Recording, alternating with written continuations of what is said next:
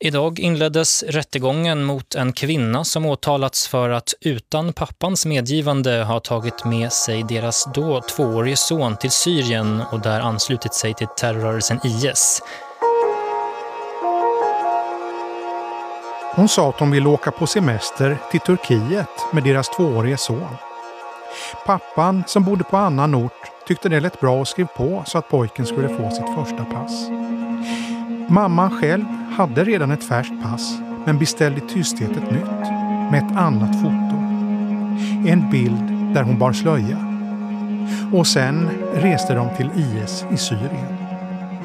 De blev borta i sex år och vid hemkomsten ställdes mamman, som i media kallades Landskronakvinnan, inför rätta och dömdes nyligen till fängelse. Blev hon tillfångatagen som hon sa? Eller höll hon sig undan frivilligt? Vad händer med de IS-kvinnor som nu återvänder till Sverige efter att ha varit i kalifatet? Och hur ser det ut i stort med det som kallas våldsbejakande extremism? Det ska vi titta närmare på i det här avsnittet av Aftonbladet Krim. Jag heter Anders Johansson.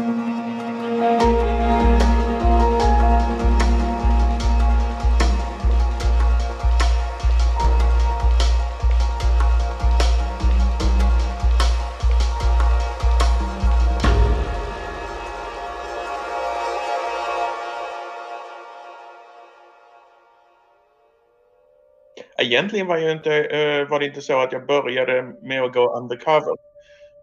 Det här är Torbjörn Järlerup, en politiskt engagerad person som kallar sig Arga sossen. Han bor på Öland, betecknar sig också som medborgarjournalist. Han driver en blogg där han tar upp ämnen som han menar etablerade medier inte visar så stort intresse för. Under 2014 börjar han uppmärksamma IS alltså terrororganisationen Islamiska staten. Han såg snabbt att det fanns sympatisörer i Sverige. Och att det fanns flera som tagit ytterligare ett steg, åkt ner till Syrien och anslutit sig. Han skrämdes av det han såg och ville göra något åt det. Därför bestämde han sig för att dokumentera IS-sympatisörernas aktivitet på nätet. Jag gick in på den här öppna offentliga sidan från 2000 2014. Tittade på vilka som skrev och vad de skrev. Eh, de som stödde IS eller skrev någonting om Al-Qaida och så vidare. Jag gick in på deras privata Facebook-konton. Det var ju lika öppet som kakrecept eller eh, kat katter i Facebook idag. En del av materialet var helt offentligt medan annat låg i stängda grupper. För att få tillgång till de grupperna skapade Torbjörn Järlerup en fejkad Facebook-profil för att gå undercover. Jag var ju inne på en 8-9 slutna IS-sidor från Sverige, Danmark, Norge, Tyskland. Eh, eh, de sidorna. Och alla de sidorna de finns inte kvar längre. Det finns en sida kvar. En grupp kvar eh, som inte har stängts ner men det beror på att de som hade den sidan eh, övergav den i princip 2016 så den har inte varit aktiv sedan dess. Men alla sidor har lagts ner nu. Men då ser man ju med, eh, alltså egentligen så såg man inte så mycket skillnad. För att de som skrev på de slutna sidorna de var lika öppna på sina offentliga sidor om vad de ville göra. Enligt Torbjörn tipsade han polis och socialtjänst flera gånger om de fynd han gjorde. Men han menar att intresset från myndigheterna var svalt. 2014-2015 var intresset från journalister pyttelite. Från Säpo, från polisen pyttelite. Jag vet inte hur många gånger jag kastade över information till Säpo. Liksom. Det var ungefär som att slänga över en, över en mur. Man kastar saker över en mur och så vet man inte vad som händer på andra sidan muren. Alltså det är jag gjorde både polisanmälningar, jag gjorde anmälningar för SOS, orosanmälningar. Man fick alltid höra någonting. Så att det, intresset finns nu, men inte då. Och mitt syfte till det hela var framförallt att dokumentera. En av personerna som fångat Torbjörn Järlerups intresse är en 31-årig kvinna från mellersta Sverige och som vi här har valt att kalla Amina. Eh, jag eh, stötte på henne första gången 2014 och, se, och kom ihåg namnet och sånt när hon sen blev aktuell våren 2015. År 2015 ser Torbjörn Järlerup hur Amina på Facebook pratar om fördelarna med slaveri. I diskussionen under inlägget förekommer andra personer som sen uppmärksammats för sina IS-sympatier. Det var en debatt på, som jag sa till exempel, öppet på Facebook där eh, hon diskuterade tillsammans med eh, andra jihadister, till exempel liksom Skråmos fru, eh, då diskuterade de eh, fördelarna med slaveriet. Alltså, och fördelarna med att hålla till, till exempel yazidier som slavar. Och de sa att det är bättre att vi behåller dem som slavar än att de är otrogna. Enligt Torbjörn Järlerup var den här typen av resonemang inte något som stack ut i de grupperna han bevakade. Snarare räknades sådana åsikter som vardagsmat. Ja, det, det finns många saker att säga om vad hon sa men det är viktigt på ett sätt att man vet att det där var mainstream åsikter. De som var IS-anhängare som hade åkt ner eller stannat kvar i Sverige, de hade de här åsikterna. Och det var inget ovanligt att se sådana åsikter. Vi ska återvända till Torbjörn Hjällerup lite senare. Men vi ska spola fram bandet några år till den 15 februari 2021. Så, och då är det förhör. Åklagaren som åberopat detta och inleder förhöret. Varsågod. Vi befinner oss nu i Lunds tingsrätt och det är första dagen i ett uppmärksammat mål. Åklagaren Claudio Gitterman har nyss påbörjat sin sakframställan. Ärendet som ska avhandlas i rätten handlar om grov egenmäktighet med barn. En typ av rättsfall som sällan får särskilt mycket utrymme i tidningarna. Men just det här målet är mycket välbevakat. Vi ska snart återkomma till varför. I januari 2014 så gick mor hastigt bort. Och kort efter det här bortfallet så flyttade från Skövde eh, till Landskrona. Den som åklagaren pratar om är en av huvudpersonerna i det här målet. Hon som står åtalad för att i princip rövat bort sitt barn från dess pappa. Den åtalade kvinnan är Amina, som Torbjörn Järlerup uppmärksammade som en av de första svenska jihadisterna. Nu, nästan sex år senare, har hans tidigare insamlade material blivit en del av bevisningen. Amina är 31 år gammal, svensk-palestinier och växte upp i Skövde. 2010 ingick hon äktenskap på muslimskt vis och paret flyttade till Stockholm. 2012 fick de en son, men förhållandet rann ut i sanden och mannen tog ut skilsmässa och bad henne flytta ut. Tillsammans med sonen flyttar Amina då hem till sin mamma i Skövde. Men enligt uppgifter i utredningen blev det inte helt bekymmersfritt, utan en hel del bråk med mamman. Startpunkten för det händelseförlopp som ska leda oss till Lunds tingsrätt kan sägas börja 2014. Efter ett större gräl lämnar Amina lägenheten och när de kommer tillbaka är hennes mamma död av en hjärnblödning. Och kort senare får Amina beskedet att hon inte får behålla mammans lägenhet utan blir bostadslös. Situationen leder till att hon hamnar i en livskris. Amina flyttar till en släkting i Landskrona, vilket är skälet till att hon i media senare kommer att kallas just Landskronakvinnan. Bara ett par månader efter flytten till Skåne, i augusti 2014, berättar hon för sin frånskilde man att de vill till Turkiet med deras gemensamma barn. Åklagare Claudio Gitterman berättar. Och eh, någon gång kring då augusti 2014 så berättade att hon ville åka på semester till Turkiet med sonen. Eh, och det då eftersom det hade varit ett tufft år för henne. Hennes man hjälper till att ordna ett pass till barnet. Några dagar senare reser Amina iväg. Den 29 augusti så fick eh, ett eh, meddelande att eh, hon och sonen hade anlänt till Turkiet. De pratade och han fick besked att de befann sig i staden Urfa som eh, eh, gränsar till Syrien. Då. Och kort eh, det var ett kortare samtal och när det bröts så upphörde kontakten. Pappan till barnet anar att något inte står rätt till. Han ringer en av Aminas släktingar. De utbytte information med varandra och då förstod de att eh, inte hade för avsikt att komma tillbaka och att hon antagligen hade försvunnit med barnet till Syrien. Dagen efter anmäler pappan Amina till polisen. Både hon och tvååringen är spårlöst försvunna.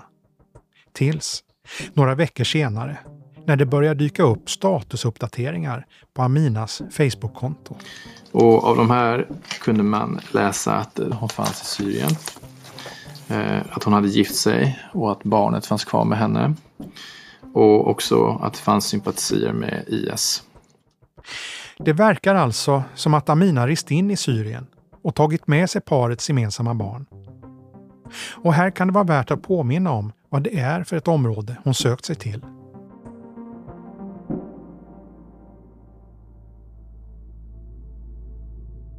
–2014 har det rasat ett inbördeskrig i Syrien under flera år. En av de drivande aktörerna är terrororganisationen IS, som vid det här laget kontrollerar ett område som är större än Storbritannien.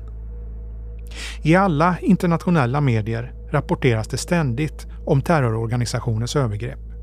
Och IS sprider själva sin propaganda i en rad mediekanaler.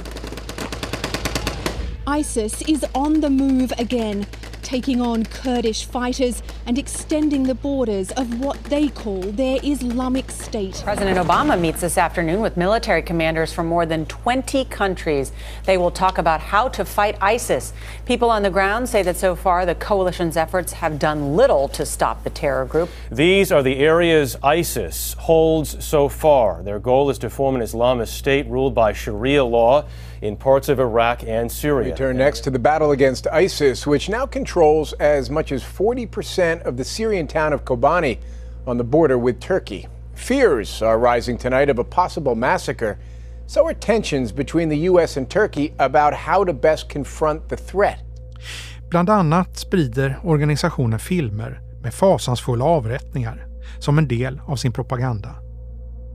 Bland annat bilder på halshuggna offer vars huvuden satts upp på pålar. I juni 2014 utropar IS ledare Abu Bakr al-Baghdadi ett kalifat, alltså en islamisk stat. ISIS, which stands for the Islamic State in Iraq and Syria, says now it will simply be known as the Islamic State. And it declared all areas it's overtaken in Syria and Iraq to be a caliphate or Islamic State, a significant move. Det är alltså kort efter det här som Amina åker till Syrien. IS har utropat sitt kalifat och beskrivs som en terrorsekt.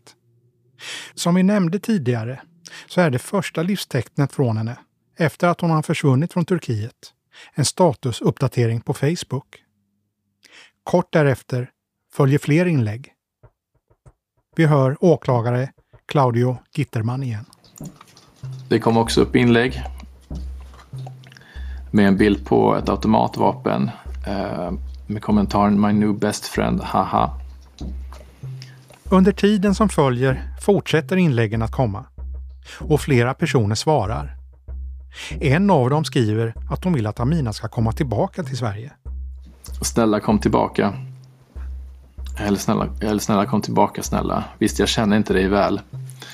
Men jag vill ha dig bästa. Du umgicks med fel muslimgrupp som du kan inget om islam. Som är mördare och tvivlare på, på alla sätt och vis. Och Gud kom tillbaka. Hoppas jag kan se dig snart. Så de skriver att det är beklagligt. Skärp dig nu, kom hem. Tänk på din son. Men när svaren kommer från Aminas Facebook verkar hon inte vilja lyssna. Hundar kommer alltid skalla. Min son har det bättre än någonsin och är trygg.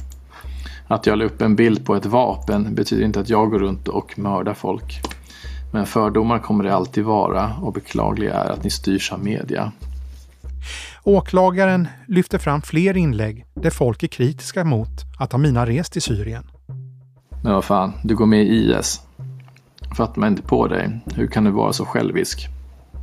Om bara du hade åkt så hade det inte varit någonting. Men att ta med dig grabben, fegt, jävligt fegt. Amina svarar igen. Ja, vilken skojare och vad är det du tror jag gör? Gå ut och krigar. För, för er som inte förstår, vi krigar inte. Jag sitter hemma och äter godis. Vad är problemet?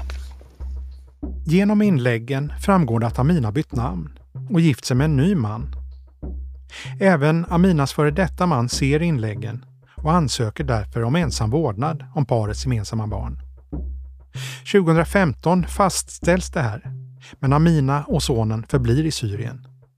I maj 2015 skriver hon igen. Eh, så blandat engelska och svenska. Finns inget bättre än att bo i Kalifa eller kalifatet. Då. It's a blessing from Allah.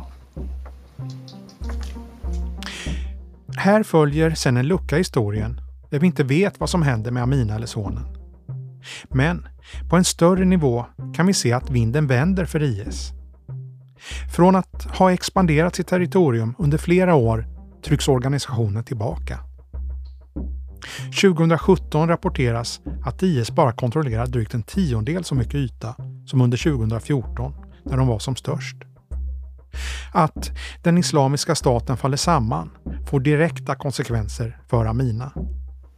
Det är inte exakt fastställt, så vitt jag har sett, när, eh, när eh, hamnade hos SDF då, som är de syriska demokratiska, Syrian Democratic Forces. Eh, men det verkar ha varit någon gång i slutet av 2017 eller januari 2018.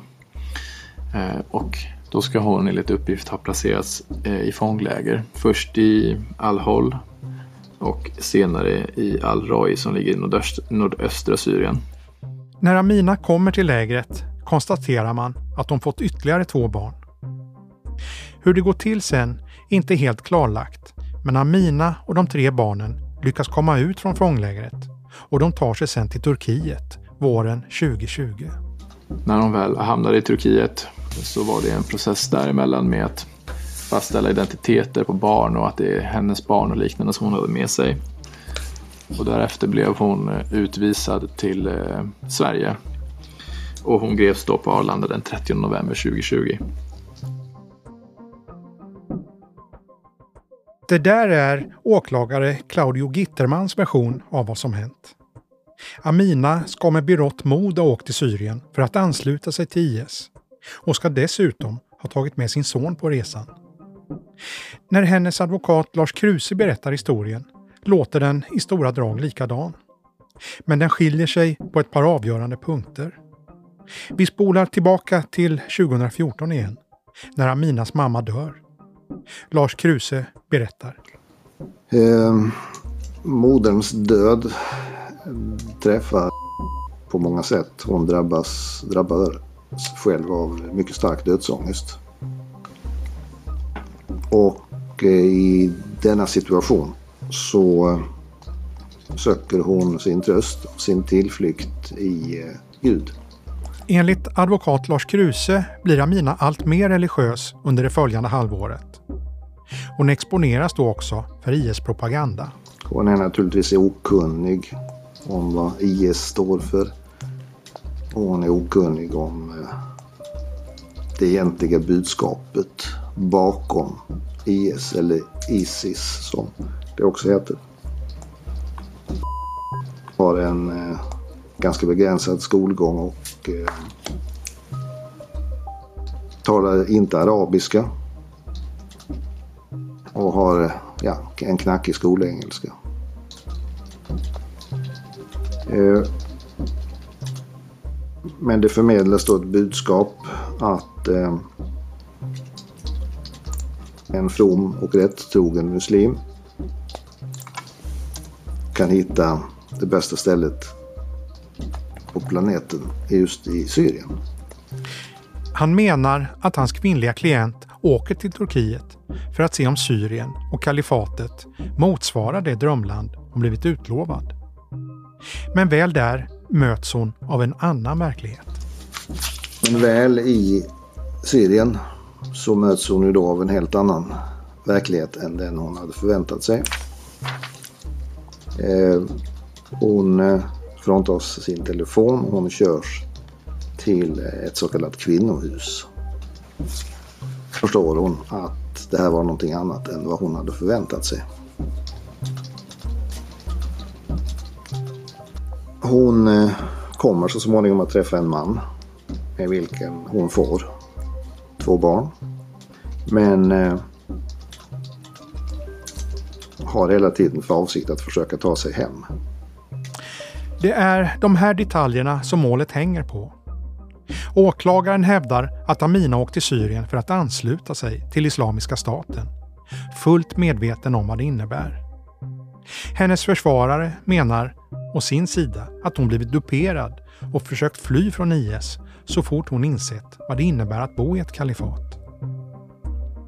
Hon har, menar advokaten, därför inte gjort sig skyldig till någon medveten egenmäktighet med barnet, annat än för några dagar då hon tänker besöka Syrien och sen återvända. Han menar också att det faktum att hon lyckas fly till Turkiet för att sen bli utvisad till Sverige var en del av en uttänkt plan för att lyckas ta sig hem.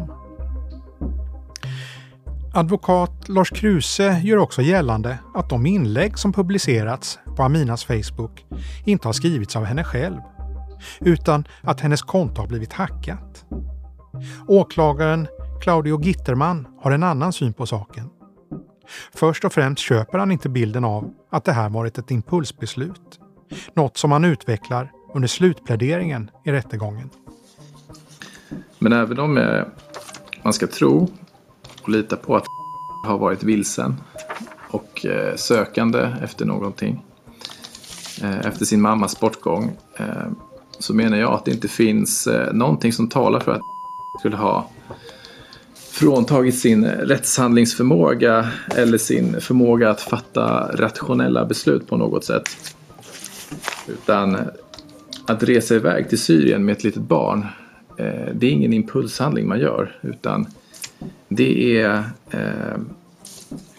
det är någonting man gör i flera steg och det kräver planering. Och den här planeringen har dessutom skett i hemlighet. Åklagaren återkommer gång på gång till att Amina själv varit drivande i händelseutvecklingen. Han menar också att det verkar besynnerligt att någon annan skulle ha skrivit inläggen från hennes Facebook-konto. Man får ställa sig några berättigade frågor då. Och det är varför den personen som hackade profilen eller som hade tillgång till kontot då har så stor kännedom om hennes liv och kan göra så pass träffsäkra inlägg som finns. Utöver det får man också fråga sig vilket intresse en hackare eller någon annan person ska ha av att göra den typ av inlägg som förekommer där. Sammanfattningsvis menar åklagaren Claudio Gitterman att Aminas agerande är så allvarligt att det bör straffas med så högt straff som är möjligt för den här typen av brott. Så när man slutligen ska bestämma ett eh, straffvärde så återkommer en tanke ofta hos mig. Och det är att jag känner att man måste anstränga sig för att eh, komma på hur man kan göra den här situationen värre än vad den redan är. Och eh, eh, om det är så att man måste anstränga sig för att komma på hur man ska göra en situation värre, då tycker jag man ligger en bra bit upp på straffskalan. Och eh, att det då inte heller är otänkbart att man kan tänka sig att döma ut eh, det högsta möjliga straffet på fyra år. Det är som sagt ett undantagsfall men rätten får i alla fall pröva om det skulle kunna vara motiverat.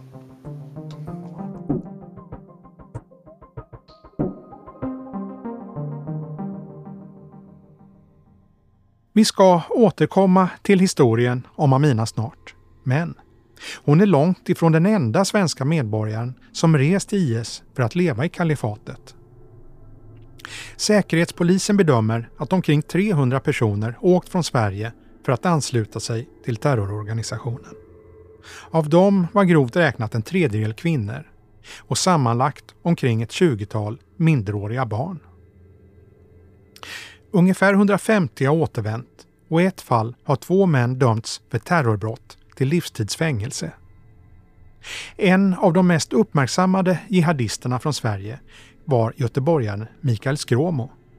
Han reste till Syrien med sin fru och fyra barn. Sen fick de ytterligare tre. Skråmo hade konverterat till islam, var aktiv på sociala medier och försökte rekrytera nya anhängare. Bland annat la han ut flera videoklipp. Har du inte i ditt hjärta att du vill strida och visa Allah vad du har att offra för han? Den här din, den här religionen islam, den handlar om uppoffring.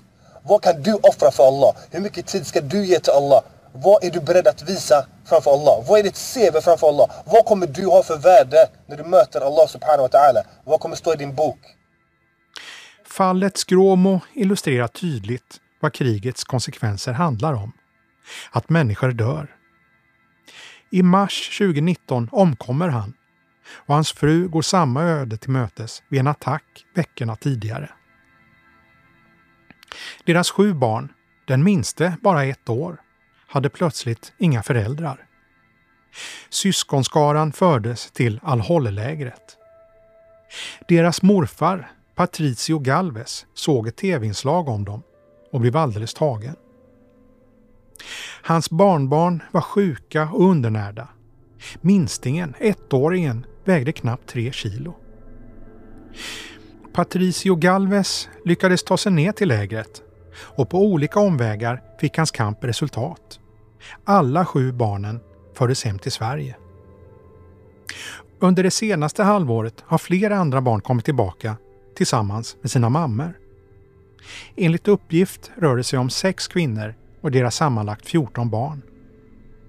IS-anhängare betraktas som en del av det som kallas våldsbejakande extremism och ansvaret för att motverka det ligger på Säkerhetspolisen. Hur återvändarna från IS ska hanteras är därför också en fråga som hamnar på Säpos bord. Hörs det nu? Bra. Då tar jag det igen. Hej och välkomna till Säkerhetspolisens årsboksseminarium. Eh, det är i mitten av mars och Säkerhetspolisen håller pressträff för att presentera sin årsbok 2020. De ska berätta att säkerhetshoten mot Sverige har ökat och bedöms fortsätta öka de närmaste åren. Hotet kommer både från främmande makt och våldsbejakande extremism. Angriparna har fått en ökad förmåga som stöds av både digitalisering och polarisering i samhället. Den pågående pandemin och brister i säkerhetsarbetet bidrar till att förstärka sårbarheterna. Efter drygt en timmes presentation får vi en pratstund med Claes Friberg, chefen för Säpo. Han får börja med att berätta hur de ser generellt på den våldsbejakande extremismen i Sverige.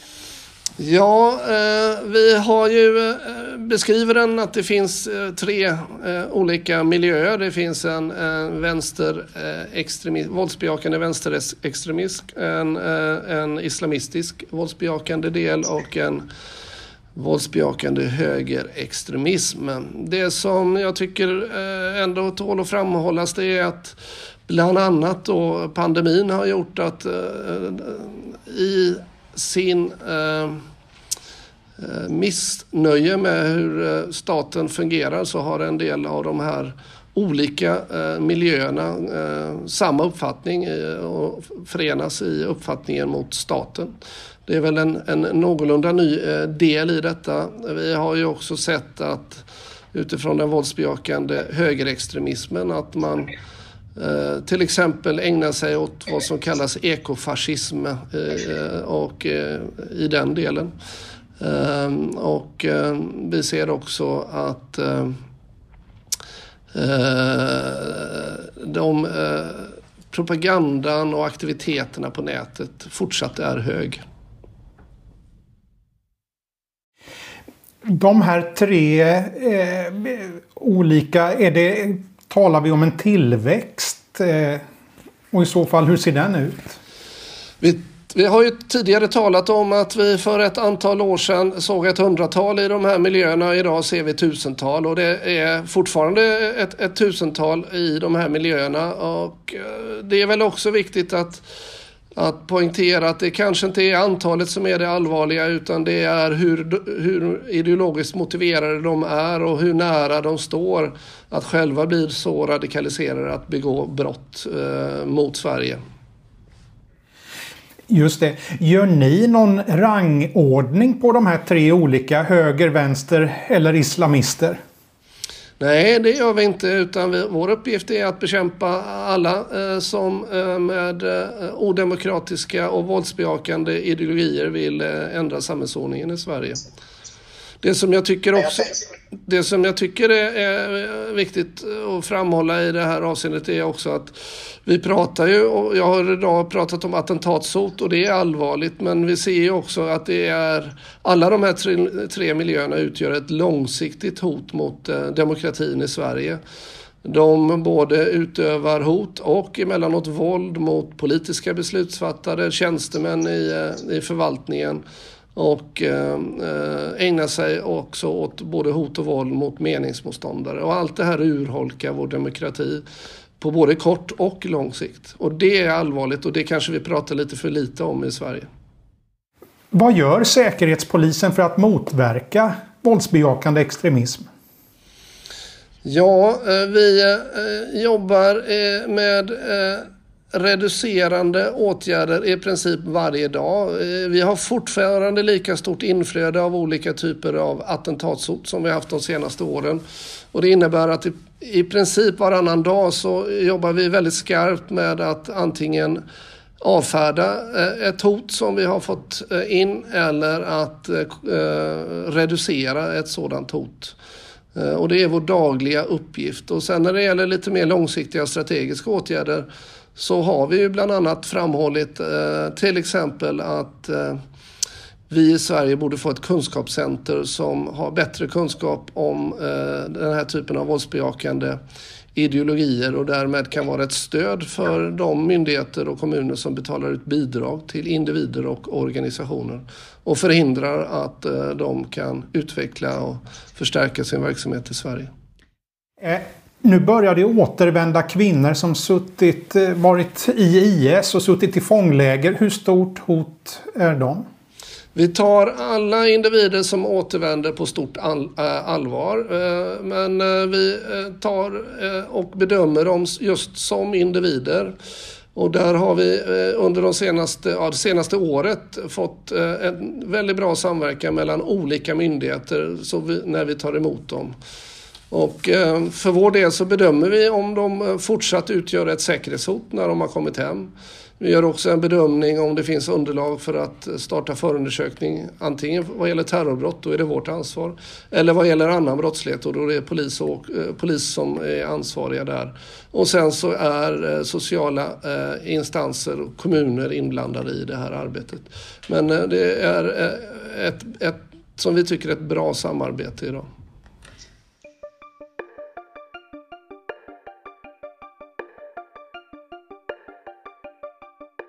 Det som Säpochefen Claes Friberg pratar om här är intressant även för målet som vi nämnde tidigare.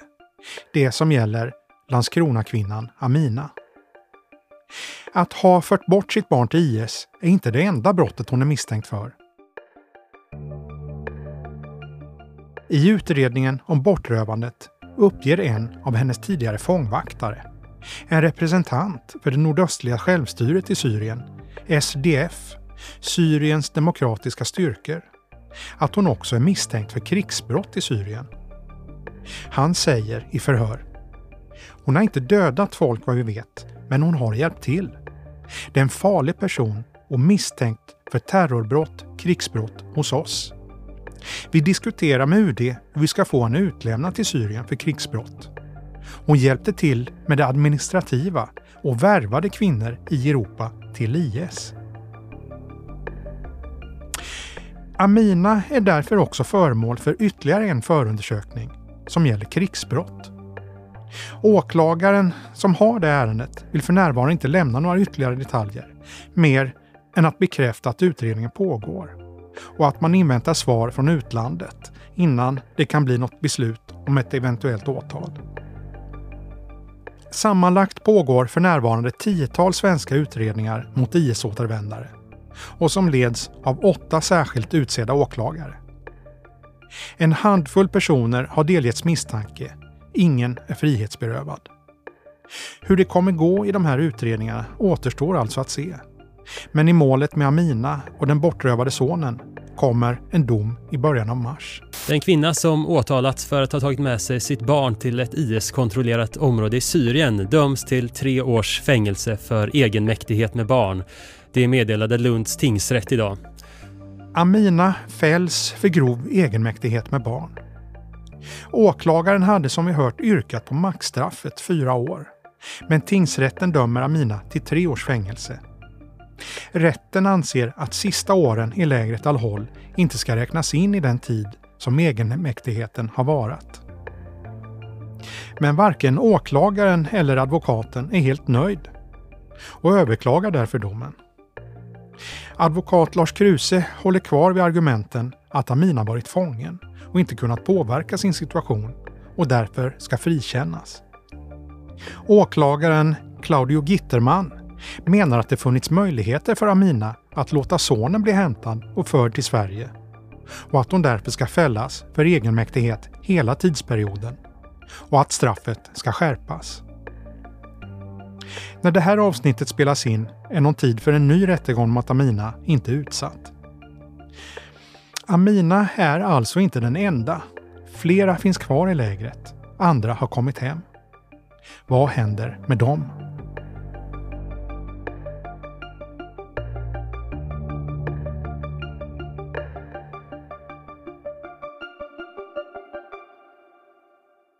Den 1 januari 2018 inrättade regeringen en särskild organisation med uppdraget att utveckla det förebyggande arbetet mot ideologiskt motiverad brottslighet och terrorism. Det fick namnet Center mot våldsbejakande extremism. Konkret ska centret bland annat bidra med samordning av insatser från olika myndigheter som Säkerhetspolisen och socialtjänsten. Och därför spelar de en viktig roll när det gäller att ta emot de kvinnor och barn som nyligen återvänt från IS. Chef för centret heter Jonas Trolle. Han är kriminalkommissarie och har en lång karriär inom polisen tidigare. För en bredare allmänhet är han kanske mest känd för att han var med och fick fast kapten Klänning, rektorn för Polishögskolan, som sedan dömdes till sex års fängelse för flera våldtäkter. Hur ser Jonas Trolle på IS-återvändarna? Frågan vad som hänt med dem går vidare till honom. Ja, jag kan ju överblicka den gruppen nu mammor och barn som har kommit under, de, under förra året och det som också nu är, eh, har varit aktuellt de senaste månaderna. Och det har ju varit insatser som har omfattat både rättsväsendet såväl som soci det sociala omhändertagandet. Eh, och då gäller ju det framförallt i förhållande till de barn som har varit med. Men det har varit en organisation som har gått ut på att man, Sverige har ju varit förvarnade om att de ska komma och då har man också kunnat eh, inleda eh, eller aktualisera och ytterligare arbeta i utredningarna, förundersökningarna kring de här specifika personerna. Så det har funnits en, en bra eh, jordmån för att kunna göra ett bra arbete. Sen har de här personerna kommit eh, till Arlanda och där har de mötts upp och de har mötts upp då av olika myndighetskompetenser för att omedelbart eh, se vad det är för olika typer av insatser som behövs. Och också utredningsinsatser har kunnat påbörjas redan där.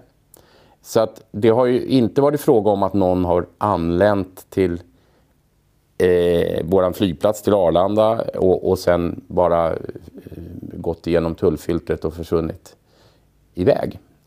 Utan det har varit ett, ett organiserat ordnat mottagande. I vilken utsträckning har de begått brott?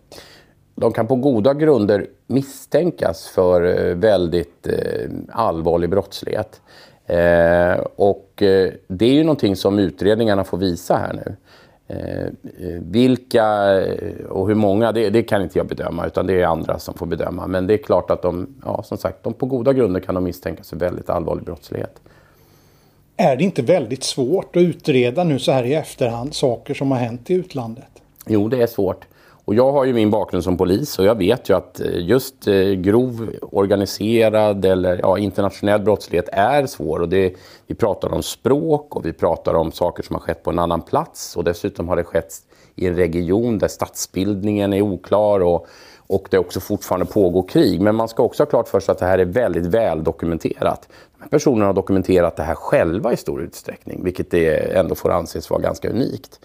Eh, dokumenterat på vilket sätt? Ja, man har dokumenterat i sociala medier vad man har gjort. Man har, man, har, man har skrivit om det, man har propagerat. Det har varit en del också i propagandaapparaten att dokumentera för att locka ner andra. Vi ska skapa det här kalifaten, den här ideala staten.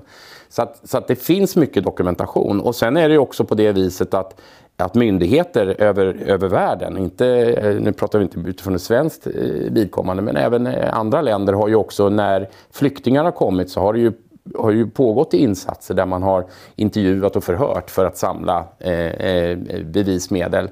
Så att, så att det finns väldigt mycket. Den stora utmaningen, tror jag, utifrån min, min erfarenhet, det är ju att sammanställa allt detta och också få en överblick över det och göra det begripligt för en domstol. Så att, så att, men, men, men det är svårt och det kommer ta tid.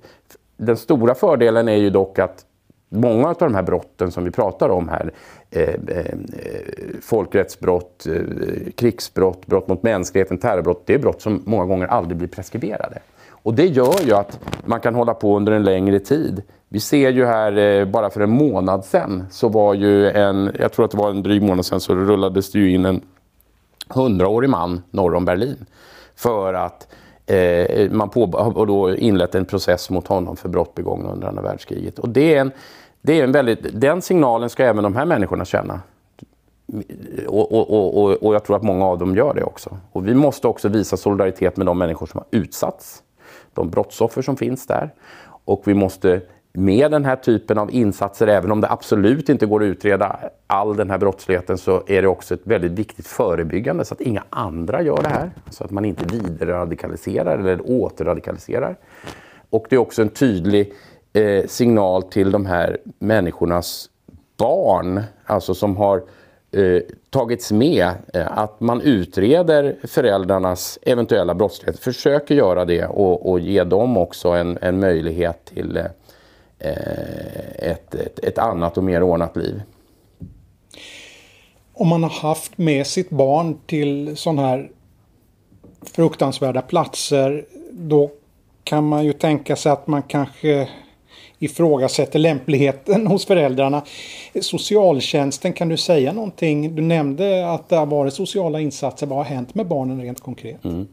Det finns det, det, man kan göra på olika sätt, men det som är viktigt här är ju att det är en individuell bedömning. Att vi kan inte ha en, en, en, eh, en, en ordning som innebär att alla de här barnen ska behandlas på samma sätt. Och det är olika förutsättningar som gäller, det är olika behov och de har också olika upplevelser. Så det är ju ett, ett arbete som, eh, som måste ske individuellt. Det är oerhört viktigt, det är en viktig princip. Men i vissa fall så har ju barnen omhändertagits. De har omhändertagits omedelbart. I andra fall så har man kanske bestämt sig för en insats som går ut på att föräldern och barn eh, har, har, fått eh, så att säga eh, blivit placerade men, men tillsammans. Så det där är lite olika. Eh, självklart är det så att blir en förälder frihetsberövad och det inte finns någon annan, ja men då, då har man inget alternativ. Men, men det, har, det, har, det har skett på, man har, man har gjort på olika sätt. Och det är fråga om en individuell bedömning och det är en viktig, en viktig inledande utgångspunkt. Hur farliga är de här återvändarna? Det går inte att säga generellt att det är på ett visst sätt. Det här är personer som, som eh, har, de är inte homogena. Eh, en del vet vi ju till exempel har ju tidigare varit knutna till kriminella nätverk.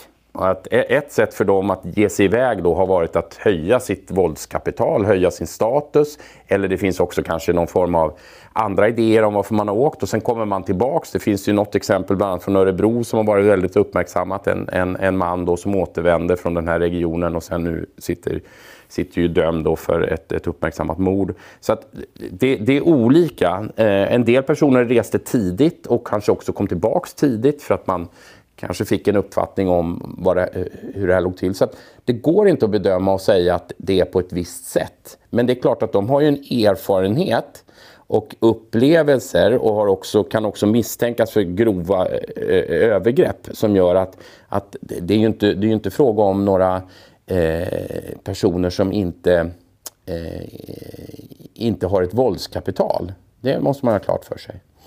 Utan det, det, finns, det finns absolut risker med de här personerna men man kan inte säga att det är på ett visst specifikt sätt. Vad vet man om de svenska medborgare som är kvar i lägren? Det är ju eh, människor som just nu lever under, eh, under eh, de är i fängsligt förvar och, och, förhållandena är väldigt tuffa. Det är inget uttal om saken. Eh, och eh, det är också människor som har varit kvar väldigt länge. De utgör ju i någon mening en, en hård kärna övertygade personer i, i, i detta. I alla fall många av dem. Eh, det är ett antal kvinnor, det är ett antal barn. Eh, det är ett större antal, om man tittar till barn sett så är det, det är fler barn så att säga. Ehm, eh, och eh, även mot den typen av personer så, så, så kan det ju vara så att man redan utifrån ett svenskt perspektiv eller internationellt perspektiv har börjat titta på olika förutsättningar för lagföring. Ehm, så att det finns ju misstankar mot de här personerna, annars skulle de ju inte vara där så att säga. Men, mm.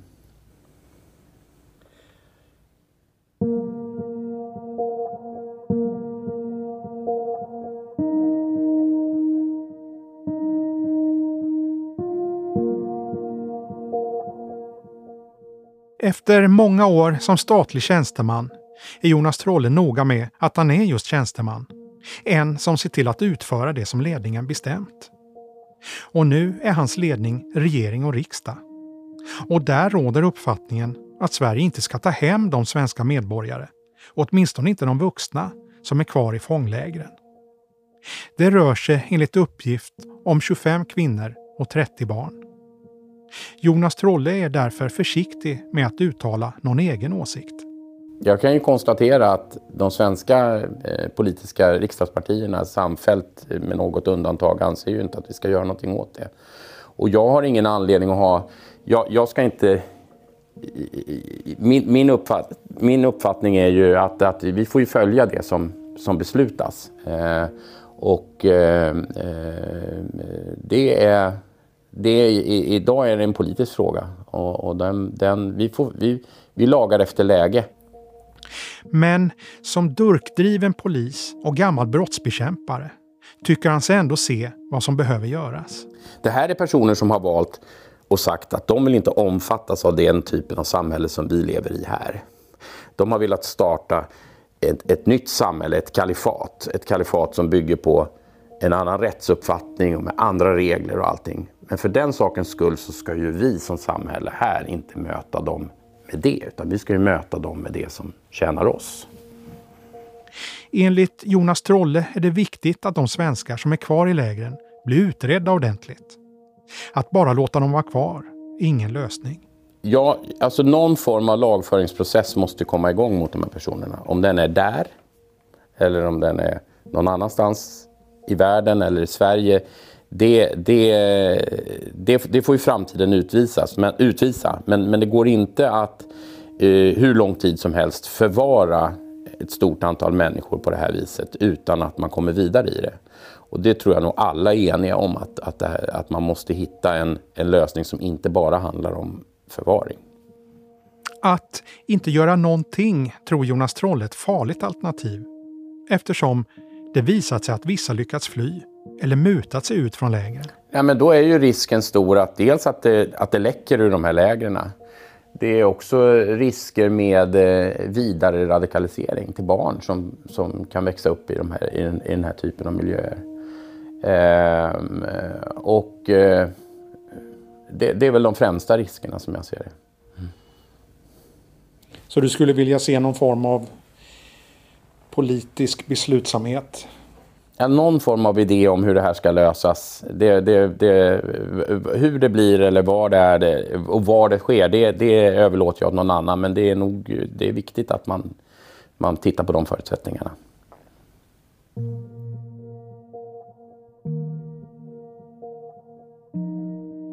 Målet med Amina och bortrövandet av sonen är överklagat. Hur det kommer gå med krigsbrottsutredningen mot henne vet vi inte. Men mycket tyder på att det kommer bli fler åtal framöver mot återvändande IS-kvinnor. Medborgarjournalisten Torbjörn Järlerup, som vi talade med i början av avsnittet, tycker att rättegångarna fyller en viktig funktion. Jag skulle säga att, för att använda en, en bibliskt uttryck, dra en linje i sanden. Att, för att säga att här hit men inte längre. Att vi måste börja göra upp med det här. För att vi, om inte vi... Det gäller ju all form av extremism, all form av rasism, speciellt våldsbejakande. Om inte vi har ett samhälle som drar en gräns så kan det gå väldigt illa.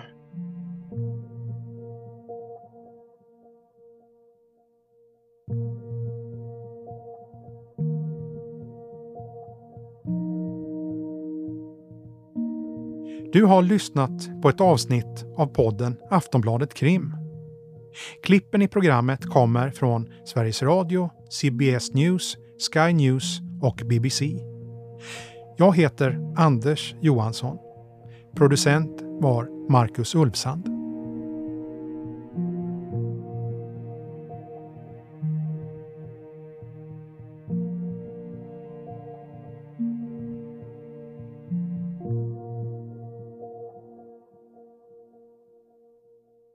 Du har lyssnat på en podcast från Aftonbladet. Ansvarig utgivare är Lena K Samuelsson.